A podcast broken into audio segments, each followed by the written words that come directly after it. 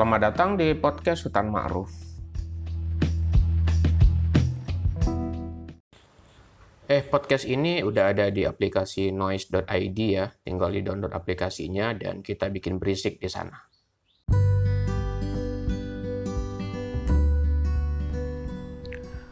Hai guys, kali ini kita ngomongin sebuah peristiwa yang terjadi kemarin di New York, Amerika Serikat.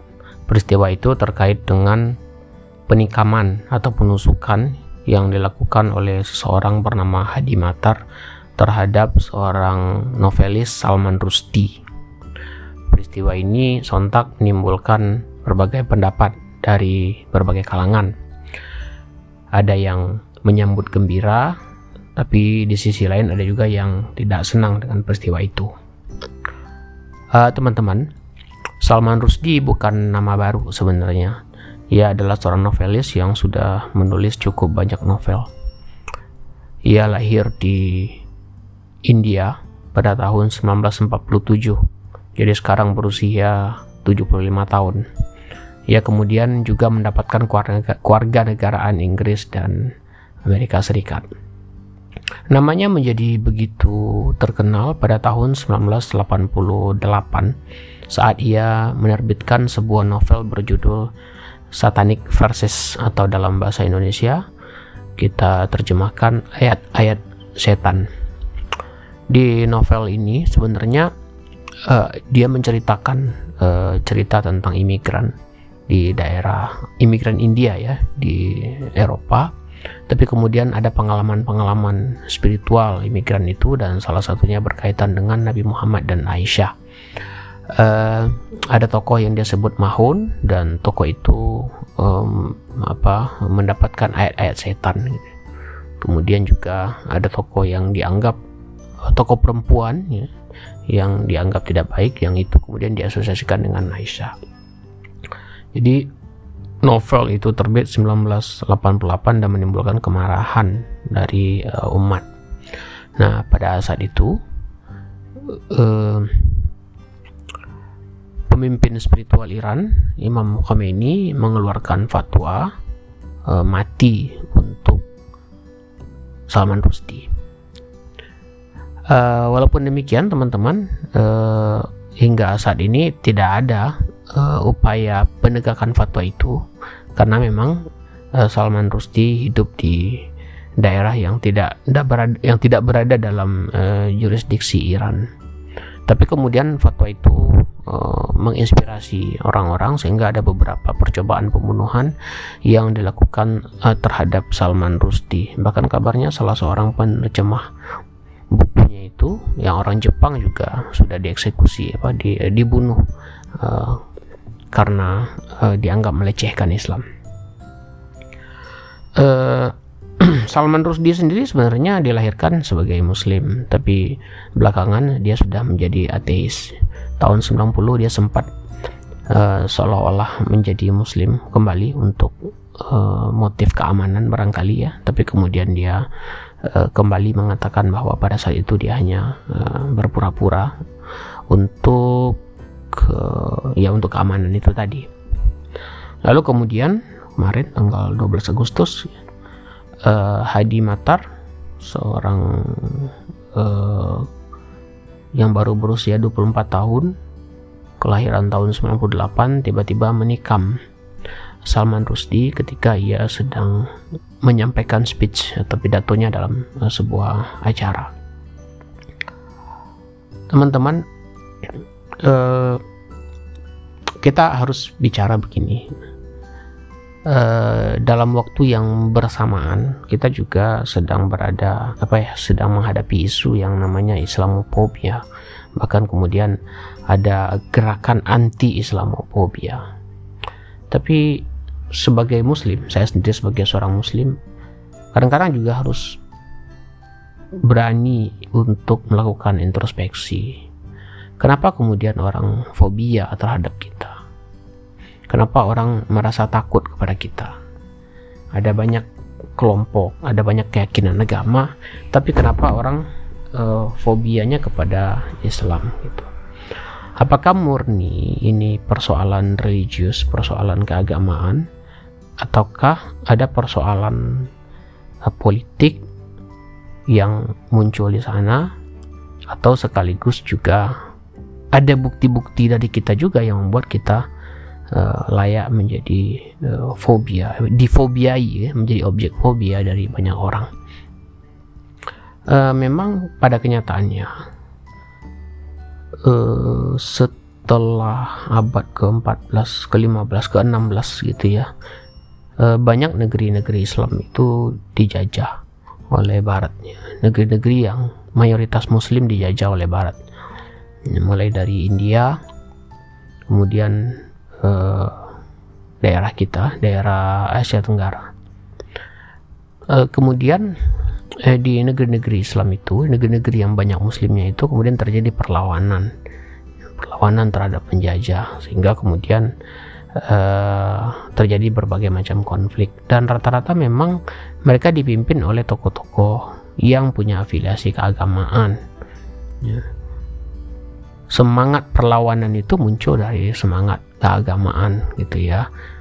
Makanya muncul di sini tokoh seperti Pangeran Diponegoro, Imam Bonjol, eh, apa, eh, Pangeran Antasari, perang di Aceh ya, kemudian di Maluku Utara, di di Maluku Kiraha. Itu semua memang menggunakan idiom-idiom yang khas, ya ini idiom-idiom keagamaan gitu ya.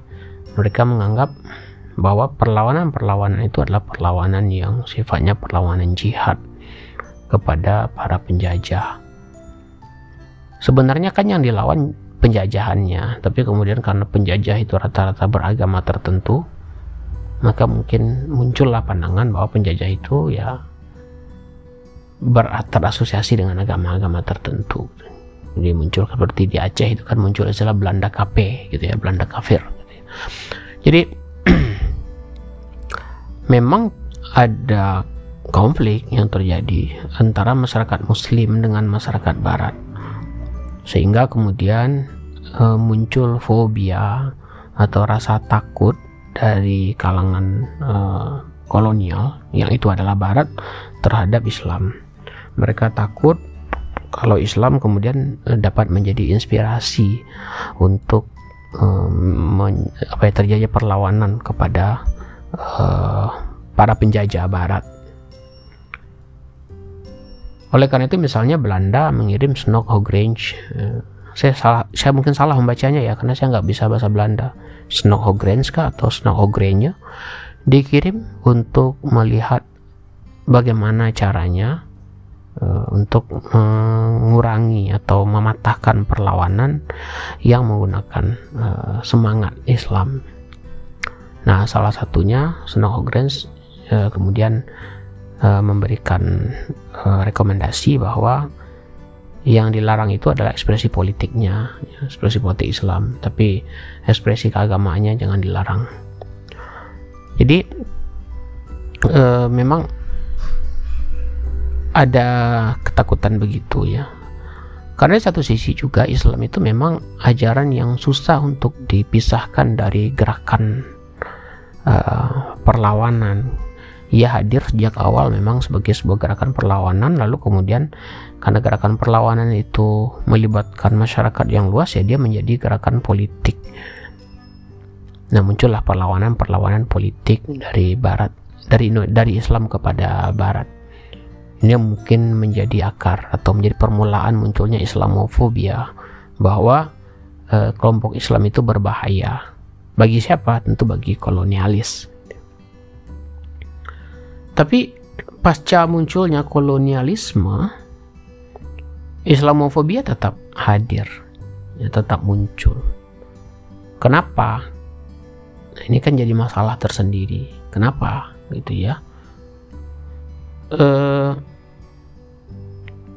barangkali kita bisa lihat bahwa pasca eh, kemerdekaan atau berakhirnya kolonialisme terjadi arus masuknya orang-orang Islam ke barat. Terjadi imigran imigran dari dunia muslim ke dunia barat. Karena mungkin situasi perekonomian situasi ekonomi politik di negara muslim masih belum stabil mereka mencari penghidupan di barat. Dan ketika dia masuk ke barat nah muncullah konflik di sana muncul interaksi yang yang tidak selalu apa namanya itu yang tidak selalu damai. Ada kalanya keras ada kalanya tidak. Ya itu sama saja sebenarnya jadi di mana saja ya. Di Indonesia pun misalnya jika datang para para imigran ke sini kita juga juga juga mungkin akan berkonflik. Ya. makanya kayak misalnya ada isu imigran Cina masuk ke Indonesia lalu kemudian muncul perlawanan muncul Cina fobia jadi jadi seperti itu juga di baratnya muncul ya, fobia terhadap Islam. Tapi barangkali kita juga harus introspeksi mengapa orang fobia terhadap Islam? Ada beberapa hal yang mungkin bisa kita pertimbangkan ya. Karakter agama Islam itu kan agama misi agama yang berdakwah. Ini berbeda mungkin dengan agama Buddha atau agama Hindu atau agama Yahudi. Yang mereka adalah agama suku gitu ya. E, mereka cuman dianut oleh masyarakat e, mereka sendiri. Tapi agama Islam itu agama misi. Dia berdakwah dia menyebarkan dia misionaris ya. Missionary, missionary religion agama yang punya semangat misionari. Nah, itu yang membuat Islam kemudian terlihat agresif. E, ketika dia agresif, ya dia mengancam banyak orang. Dia dianggap mengancam oleh orang sehingga muncullah fobia. Di YouTube itu pernah ada wawancara e, dari youtuber Muslim Amerika dan mereka tanya apakah mereka bertanya saya random kepada orang-orang di jalan apakah mereka suka dengan Islam atau tidak ya orang-orang di jalan itu ada yang mengatakan tidak suka karena they Muslim itu try itu mencoba untuk membuat uh, kita seperti mereka ya. jadi orang-orang Islam itu berusaha membuat kita maksudnya orang-orang Barat itu menjadi seperti Muslim Nah, mungkin karena semangat misionari tadi ya, semangat dakwah tadi, sehingga cenderung untuk uh, ingin mengubah masyarakat, ingin mengubah lingkungan. Nah, ini kan orang Islam di mana-mana begitu ya, ingin mengubah masyarakat, ingin mengubah lingkungan. Ini menimbulkan ketakutan bagi orang-orang. Uh, di Eropa juga ada ketakutan akan terancamnya American value, European value, misalnya, oleh masuknya orang-orang dari Timur Tengah. Itu yang pertama, jadi aspek imigrasi menimbulkan uh, konflik. Aspek kedua, memang kita harus akui bahwa orang Islam itu dicitrakan cukup agresif uh, dalam hal-hal tertentu. Misalnya, sikap orang Islam kepada perempuan yang dianggap keras, boleh memukul istri misalnya. Walaupun kemudian kan para mufassir, para apa namanya itu, para ahli kemudian mencoba mereinterpretasi ya, mereinterpretasi, membuat interpretasi ulang belakangan. Tapi eh, mereka melihat bahwa masih banyak di dunia Islam orang-orang yang tidak ramah kepada perempuan gitu ya. menggunakan ajaran Islam tidak ramah pada, perempuan membatasi perempuan menghalangi perempuan bahkan uh, lazim terlihat uh, apa tindakan-tindakan yang yang dianggap uh, menganggap perempuan sebagai uh, makhluk yang yang tidak setara dengan laki-laki ini juga menimbulkan Islamofobia ya. Menimbulkan ketakutan orang bahwa apabila Islam berkuasa maka perempuan akan menghadapi kekangan kekangan.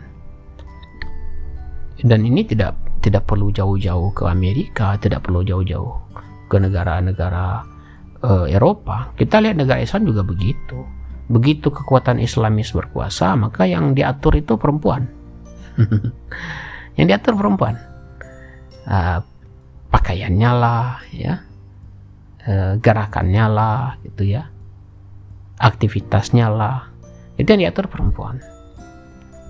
Sementara pengaturan pada laki-laki tidak begitu banyak. Di di satu daerah dahulu ketika awal-awal penerapan otonomi daerah misalnya sempat bikin perda melarang perempuan keluar malam. Itu di Sumatera Barat waktu saya masih tinggal di Padang. Sempat muncul perda kalau tidak salah judulnya perda kat ya penyakit masyarakat. Itu melarang perempuan keluar malam di atas jam 9 atau di atas jam 10 nah itu kan juga jadi masalah jadi pertanyaan kenapa perempuan yang dilarang keluar malam gitu. Ada masalah apa gitu kan? Karena e, ternyata dalam masyarakat kita perempuan tuh beda dengan masyarakat Arab gitu ya. di masyarakat Arab kegiatan perekonomian itu dilakukan oleh laki-laki terutama e, perempuan hanya di rumah saja sedangkan di masyarakat kita tidak seperti itu di masyarakat kita, kegiatan perekonomian itu dilakukan juga oleh perempuan. Jangan dibayangkan uh, dalam sektor formal ya, tapi dalam sektor informal kebanyakan justru perempuan.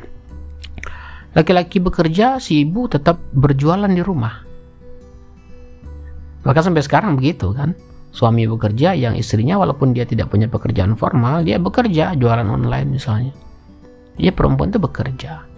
Nah, di di masyarakat pada saat itu juga perempuan bekerja ya ketika perda itu hendak di, di, diterbitkan perempuan bekerja malam hari amai-amai itu bekerja di mana di pasar ketika orang bongkar muat sayur di pasar bongkar muat barang di pasar itu lagi perempuan bekerja kalau kita ke pasar yang berdagang siapa perempuan ada laki-laki memang ada tapi banyak perempuan yang berdagang di pasar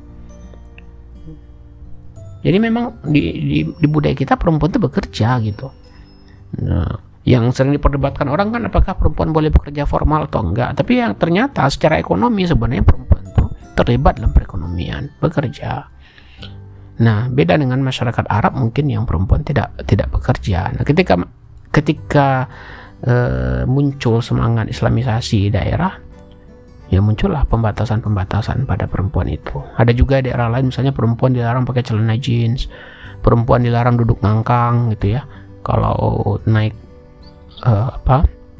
Naik motor harus duduk uh, nyamping. Gitu. Intinya kan yang diatur perempuan. Jadi muncul kan ketakutan orang kalau seandainya Islam itu masuk ke Eropa, ke Amerika, ke negara-negara uh, yang lebih maju maka kebebasan mereka akan terancam. Nah, begitu juga misalnya dalam hal penegakan aturan. Islam itu memang punya aturan, misalnya ini boleh, itu tidak boleh. Tapi bagaimana penegakannya? Apakah setiap individu boleh menjadi hakim untuk menegakkan sesuatu?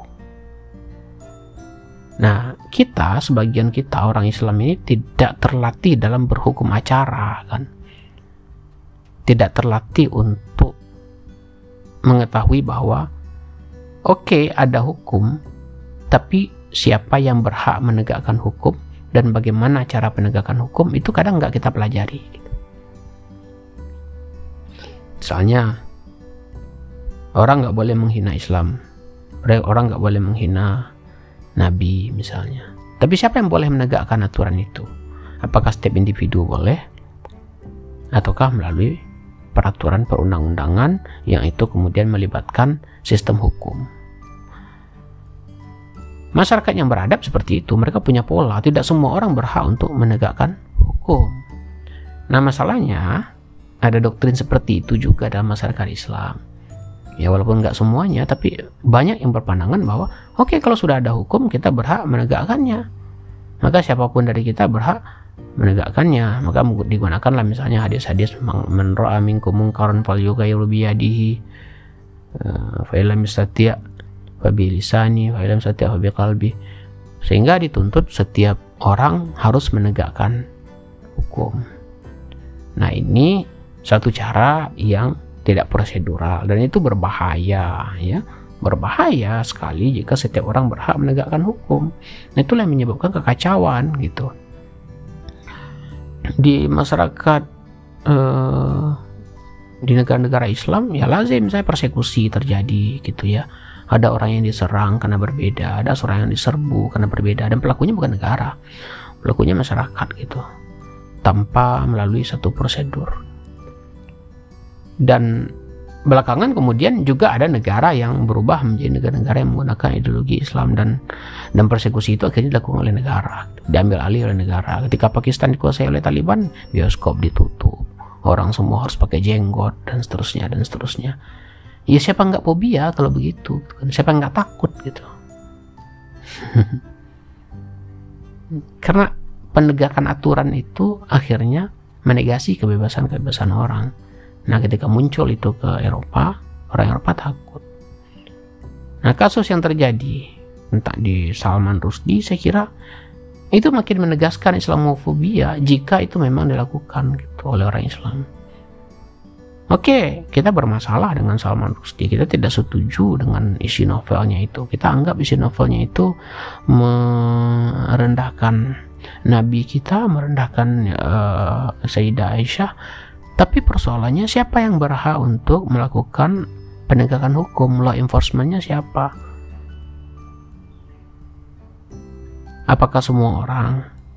Nah itu yang terjadi sekarang tiba-tiba dia di, ditusuk, tiba-tiba dia ditikam. Sehingga semakin menegaskan kepada orang bahwa Islam layak difobiai. Islam layak ditakuti. Nah, ini kan berbahaya satu sisi kita menganggap kita sedang menang nih sekarang karena Salman Rushdie berhasil ditikam. Tapi di sisi lain sebenarnya kita semakin menegaskan citra bahwa kita itu suka pada violence, kita suka pada kekerasan, kita suka pada tindakan-tindakan yang anarki, yang tidak melibatkan negara, tindakan yang yang main hakim sendiri gitu. Ini yang yang yang makin membuat uh, Islamofobia makin makin menakutkan.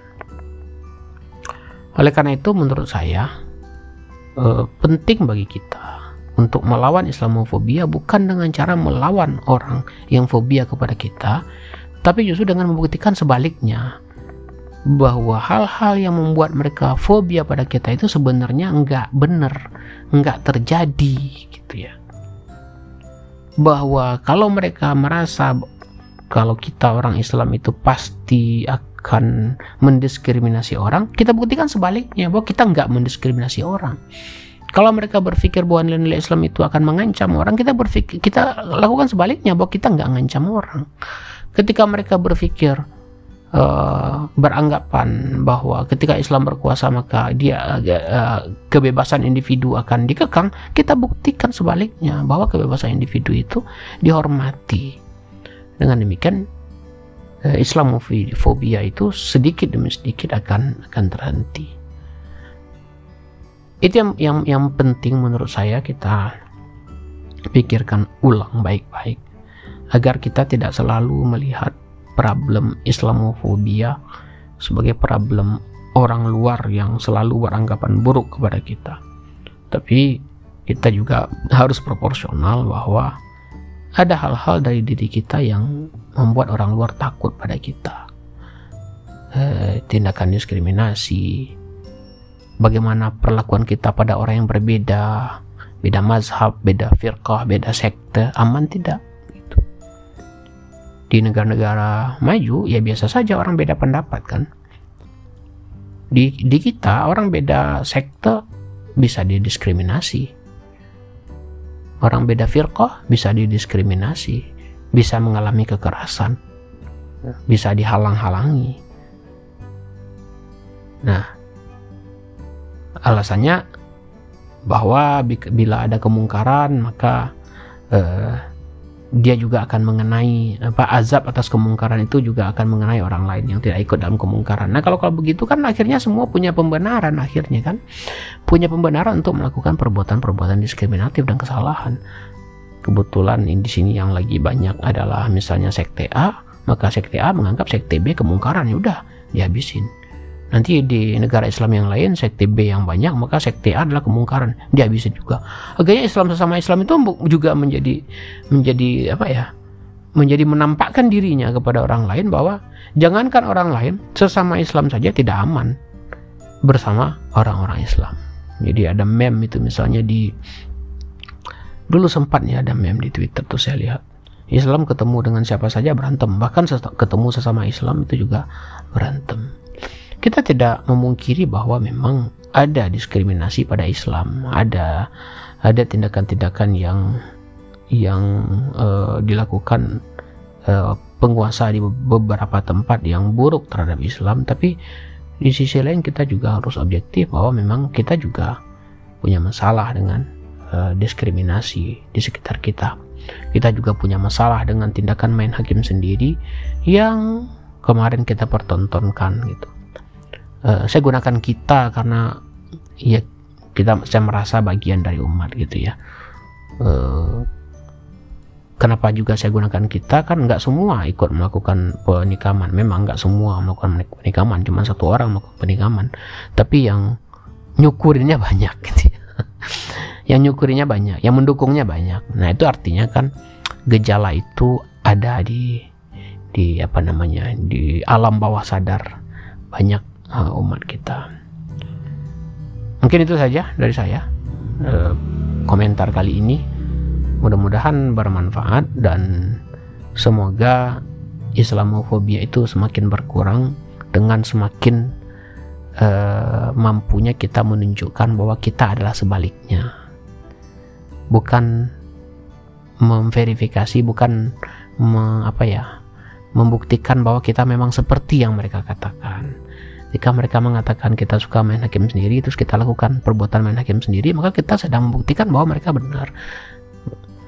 Nah, kita buktikan dengan sebaliknya.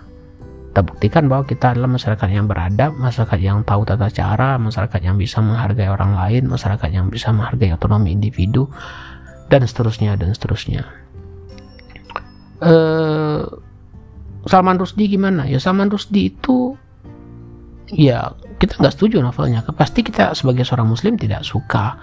Tapi apakah caranya dengan menikam? Apakah caranya dengan membunuh? Nah, itu itu yang menjadi masalah. Barangkali itu, sekali lagi, mudah-mudahan bermanfaat teman-teman. Assalamualaikum warahmatullahi wabarakatuh.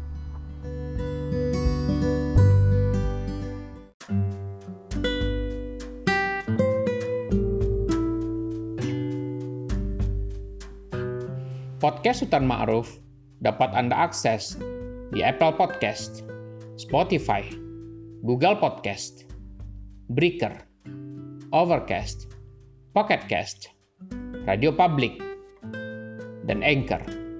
Jangan lupa follow dan bagikan di media sosial Anda. Sampai jumpa di episode-episode selanjutnya. Saya Sultan Ma'ruf.